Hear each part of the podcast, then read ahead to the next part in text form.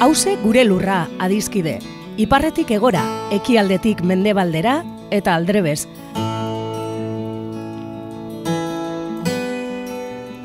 Lurra bakarra dugu edo gaituen lur bakarra da hause.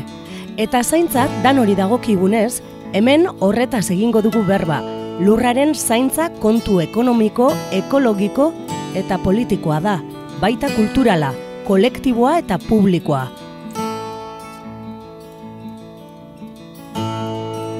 Ekopol taldeko Iñaki Bartenak eta Josu Larrinagak hause gure lurraren zaintzak dituen ataka eta kontu importantei buruz hitz egingo digute. Lurrosoaren erasoak ezin garaitu zezakeen hiri bat ikusi nuen ametxetan. Kaixo lagunok, berriz ere, hause gure lurra, Bilbo hiri irratiko irrazaioan, eta betiko moduan, solaskide moduan, Josu Larrinaga, Unibertsitateko soziologo eta antropologian klaseak ematen dituena, EASEUN eta Ekopoleko kidea. Kaixo, Josu, gaur ze gaia ikutuko duzu? Gaur zaramaren erdian gaudela komentatuko dut. E, bueno, Iñaki orain dela gutxi egindako beste podcast batean e, zuka atara zenuen e, Ernest Garziaren e, azken liburuaren e, aipamena.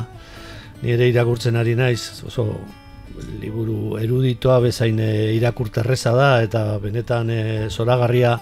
Eta momentu batean e, claro, Ernestek esaten du momentu oro hau kontua da edozein gizartea naturarekin daukan e, dialektika, daukan harremana, ez da? E, tensio bat sortzen da, gizarteak nahi duena eta naturak eman dezakena edo naturak aguanta dezakena, ez da?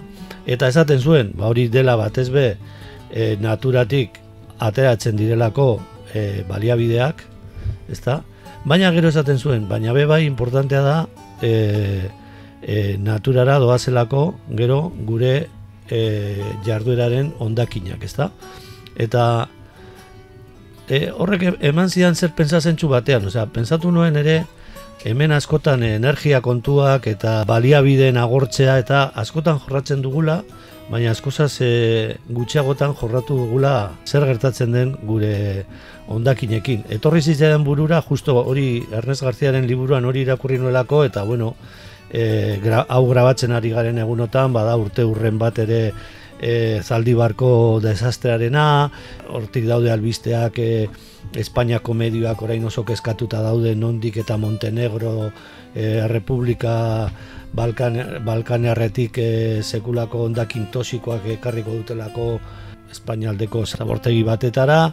Eta bueno, ba hori zenolako informazio gutxi daukagun e, hori gure hondakinen e, gestioari buruz eta askotan ira, goratu nuen ere beste liburu bat e, urbanista iparamerikar batena Kevin Lynch eta horrek esaten du hori askotan ez gure hondakinak ez ditugula ikusi nahi eta ez dugula ikusi nahi ere zer egiten den e, horrekin ez da goratu nintzen ere hasieran egin genuela beste irratsaio bat horri buruz e, komikilari iparamerikar batek ere egin zuen liburu bat bere lan, berak lan egin izan zuen e, zera, zaborra biltzen eta horren inguruan egin zuen oso komiki interesgarria eta e, podcast horretan ipini genuen e, kanta izan zen Zaramaren erdia, Zarama taldearen horregatik gaur Zaramaren erdia ditu beste kanta bat.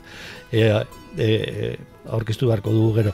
Baina atentzio ematen ditori bat ez be Kevin Lynchek e, egiten duen e, lan e, esaustiboa planteatzeko bere ikuspegi nahiko urbanista, bueno, ambientalista moduan konsideratu daiteke, baina ez ere zan dut oso, oso antisistemikoa eta ez da.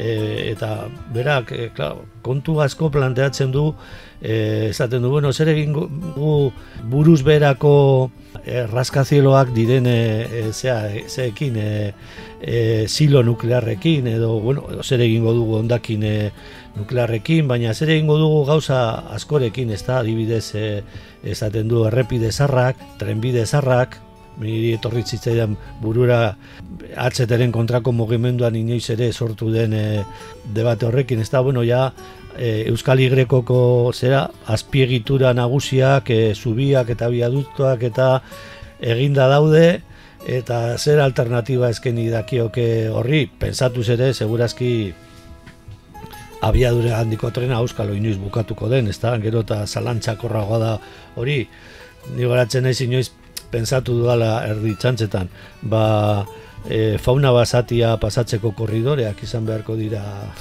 ezta? Lurra bota eta horretarako erabili zubi hoiek e, mendiak konektatzeko e, oso altura hundian daude eta baina egia da hori ba sekulako lana egin beharko dela zaramaren erdian gaudela zaramaren erditik ateratzeko eta hor ere gestionatu beharko dira ondakin erraldoi guzti guzti horiek, ezta? Askotan ere hondakindegietan eta nahazten dira, ba adibidez Zaldibarreko kasuan, teorian inerteak diren hondakinak bota behar ziren, ez da horregatik lurperatu zitezkeen, gero gertatu zena, gertatu zanean, jakin izan genuenat beste gai toksiko asko zeudela, gure kaka ez dugunez begiratu nahi, ba, zer lortzen dugu, ba, hor ere oso modo opakoan eta e, ba, askotan e, e, zera lotxagabeko batzuk e, sekulako negozio ilunak egitean, ez da?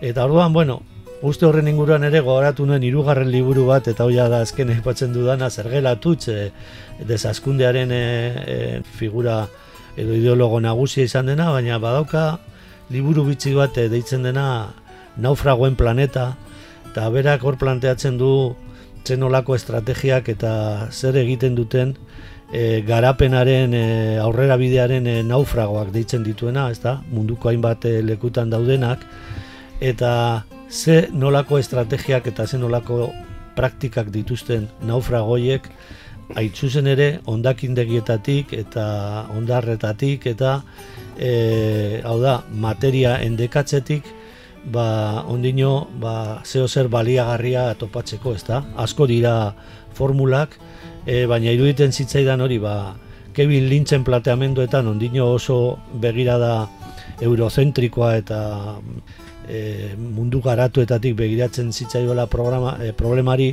baina latutzen e, nola baita bantaia da hori planteatzen duela leku askotan badagola jende asko ondakindegi hoietan topatzen duenatik e, bizi izaten eta askotan ba hori konponketak egiten eta konponketak eta apainoak egiten ba, ondakin hoiei materia endekatze horri bizitza berria, erabilpen berria ematen dietenak. Oso ondo, Josu, ba, gauza asko ekarri dizkidazu burura, e, alde batetik e, hori, e, Iñaki antegu edadek askotan e, atxeten e, mogimenduan esaten zuena, nolabait e, Zabortegi edo zaramategi honetatik kapitalismoa dena ateratzeko ezin dugula surfeo e, espiritual bat egin eta atera beste leku batera no, zikinkeriari gabe, ez? Transizio horretan, ba, zikinkeriarekin, zaramarekin jarretu beharko dugula. Eta gero, bigarrengo irudi bat etorri zait, e, askotan e, Luis González, ekologista zenazioneko lagunak esaten duena, ez? Da gauza bat, e, iruditzen zaidala ideia interesgarria, ez? Eta da, e, makro hirietan e, bizi gara, hiri sustenga ezinetan, hiri horiek ez dute etorkizunik, baina agian ikusi behar dugu hirietako eremua zabortegi bezala, bale? baina mehastegi bezala besta. Hau da, e, hirietan ditugun baliabideak e, urrengo belaunaldietarako izan daitezke erabilgarri, behar ditugun metalak, behar ditugun errekurso energetikoak, behar ditugun behar dugun egurra, behar ditugun gauzak, be bai, e, erabiltzeko. Hau da, ondo dago ideia hori, e, sarama mm, ber, berrera biltzea, eta ziklo e, metabolismo sozial eta ekologiko horretan mm, jartzea, ez? Baina horre dauka beste zuk aipatu ez duzun beste gai bat, eta da, atzo irakurtzen nuen berrian, e, Mikel e, Zarauzko lagun baten e, artikulu oso interesgarri bat, nola posoitzen ari garen gure errekak, ez? Eza, bat, erabiltzen ditugun produktu farmazeutikoak, farmakologikoak, eta gero industriatik doana, baina gero erabiltzen ditugu errekak zabortegi baliz bezala. Eta gaur egun e, erreketan dagoen bizitza, erreketan dagoen fauna eta florak, ba, ba, bueno, ba, botatzen ditugun e, material toksiko horiek e, bere ganatzen dute eta sortzen dute, sortzen ditugu ditugun problemak. Hori gaitz oso handia da. Azaro partean izan ziren e, eurite hoiek, eta piku egunetan, gure erreka goraino etorri ziren, eta gero maila normalera bueltatu direnean ikusten ditugu alboetan plastiko e, alde guztietatik e, plastikoen e, bueno, inbazio hori, ez? Claro, plastiko horiek ikusgarria dira eta ez dira hain problematikoak. Problema dira ikusten ez diren beste toxizidade farmakologiko edo industrial horiek, e, bueno, gure fauna eta floran sortzen duten. Hori saramaren, esango nuke, sarama ikuste zin bat dala, baina oso, oso problematikoa, oso toksikoa, eta gero gure errekatan, gure itsasoetan bukatzen dena, eta gero gure kate trofikoan ere, bai. Hau da, gero azken baten gure gorputzetara, gizakion gorputzetara bueltatzen dena. Orduan, hori, hori da, saramaren dimentsio bat dirustez oso oso problematikoa. Ez dakiz ere uste duzun zuk. Bai, bai, e, erabateko arrazoia daukazu inaki. Alde batetik hori esatea Kevin Lynchek ere hori planteatzen du, ez da bera urbanista den moda, esaten du, e, e, iriak ere era antolatu batean desmontatzen e, e, joan beharko dugu ere, ez esaten du, ose, argi dago populazioa nola baite, bueno, beste modu batez e, metatuko dela, segurazki gehiago barreiatuko da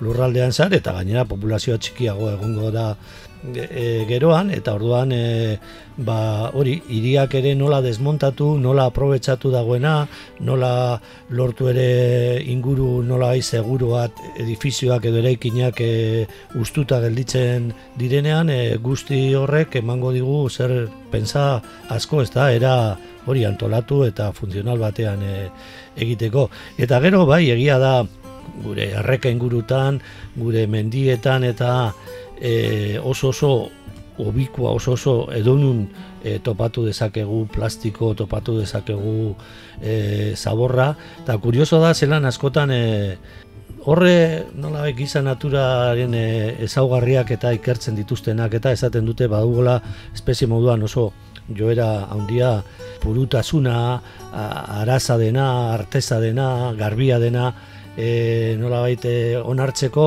eta e, guzti hori ez dena ante ez ikusteko edo baztertzeko edo mespresatzeko, baina gero egia da ere gure eguneroko paisaietan, baina paisaia naturaletan beba, idinot basoetan, mendietan, nun nahi eta e, e, daudela horatzen naiz orain dela urte batzuk askotan igotzen ginel nintzela e, erreka baten zeratik errekatik zehar e, mendian e, gora banekien goiko erreka horren goiko partean e, zestauko udalak daukala e, zera urtegi txiki bat horre ganeko gorta azpietan, ez da? Baina ez dakit, nolabait, e, hortik igotzen e, nintzela erregatik, egin dezaken ilusio bat, e, bueno, aspaldiko partez ni, lehenengoan nintzela handik pasatzen zena, do, ez da, oso leku apartatua da, eta han none, eta topatu nuen bapatean, kotxe baten karrozeria osoa, uraren indarrez, ze hortik ere ba, batxutan e,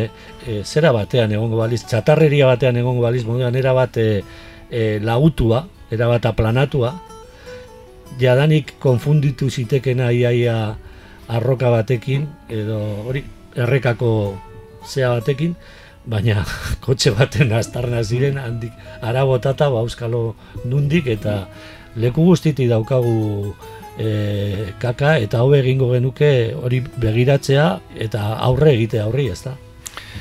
Bai, zure, bueno, itz, zure komentarioa entzuten etorri zait burura Herman Dailyren eh, esaldia, ez? Mundua bete dugu, ez? Mundua, munduaren leku guztietara jagatu gara gure gure saramarekin, ez? Eta hori kontutan hartu behar dugu, ba, planeta handi eta zoragarri honen mugak errespetatzeko, ez? Eta, eta bueno, gauza beste modu baten egiteko. Aurreko irratzaioan eh, eskerraldeko Sarama taldeko, bueno, eh, Roberto, Ernesto eta eta Javiren e, e, kanta bat e, ipini zendun eta gaurko gaurko irrasaiarako ze, ze kanta ekarri diguzu.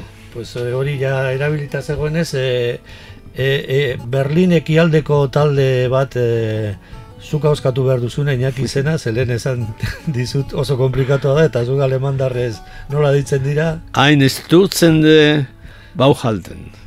bueno, ba, horrela ditzen da taldea, ezaguna da bere abeslaria, Blixa, Bardel, gero Nick Caveren taldean ibili da urte askotan, baina hauek eh, musika industriala egiten dute bat, oso perkusiboa eta egiten dute perkusio hoiek e, ba, topatutako burdin zaharrekin eta alako elementuekin ba, e, zera erosketarako alako karrotxo batekin eta alako kontuekin egiten dute euren musikaren parte handi bat.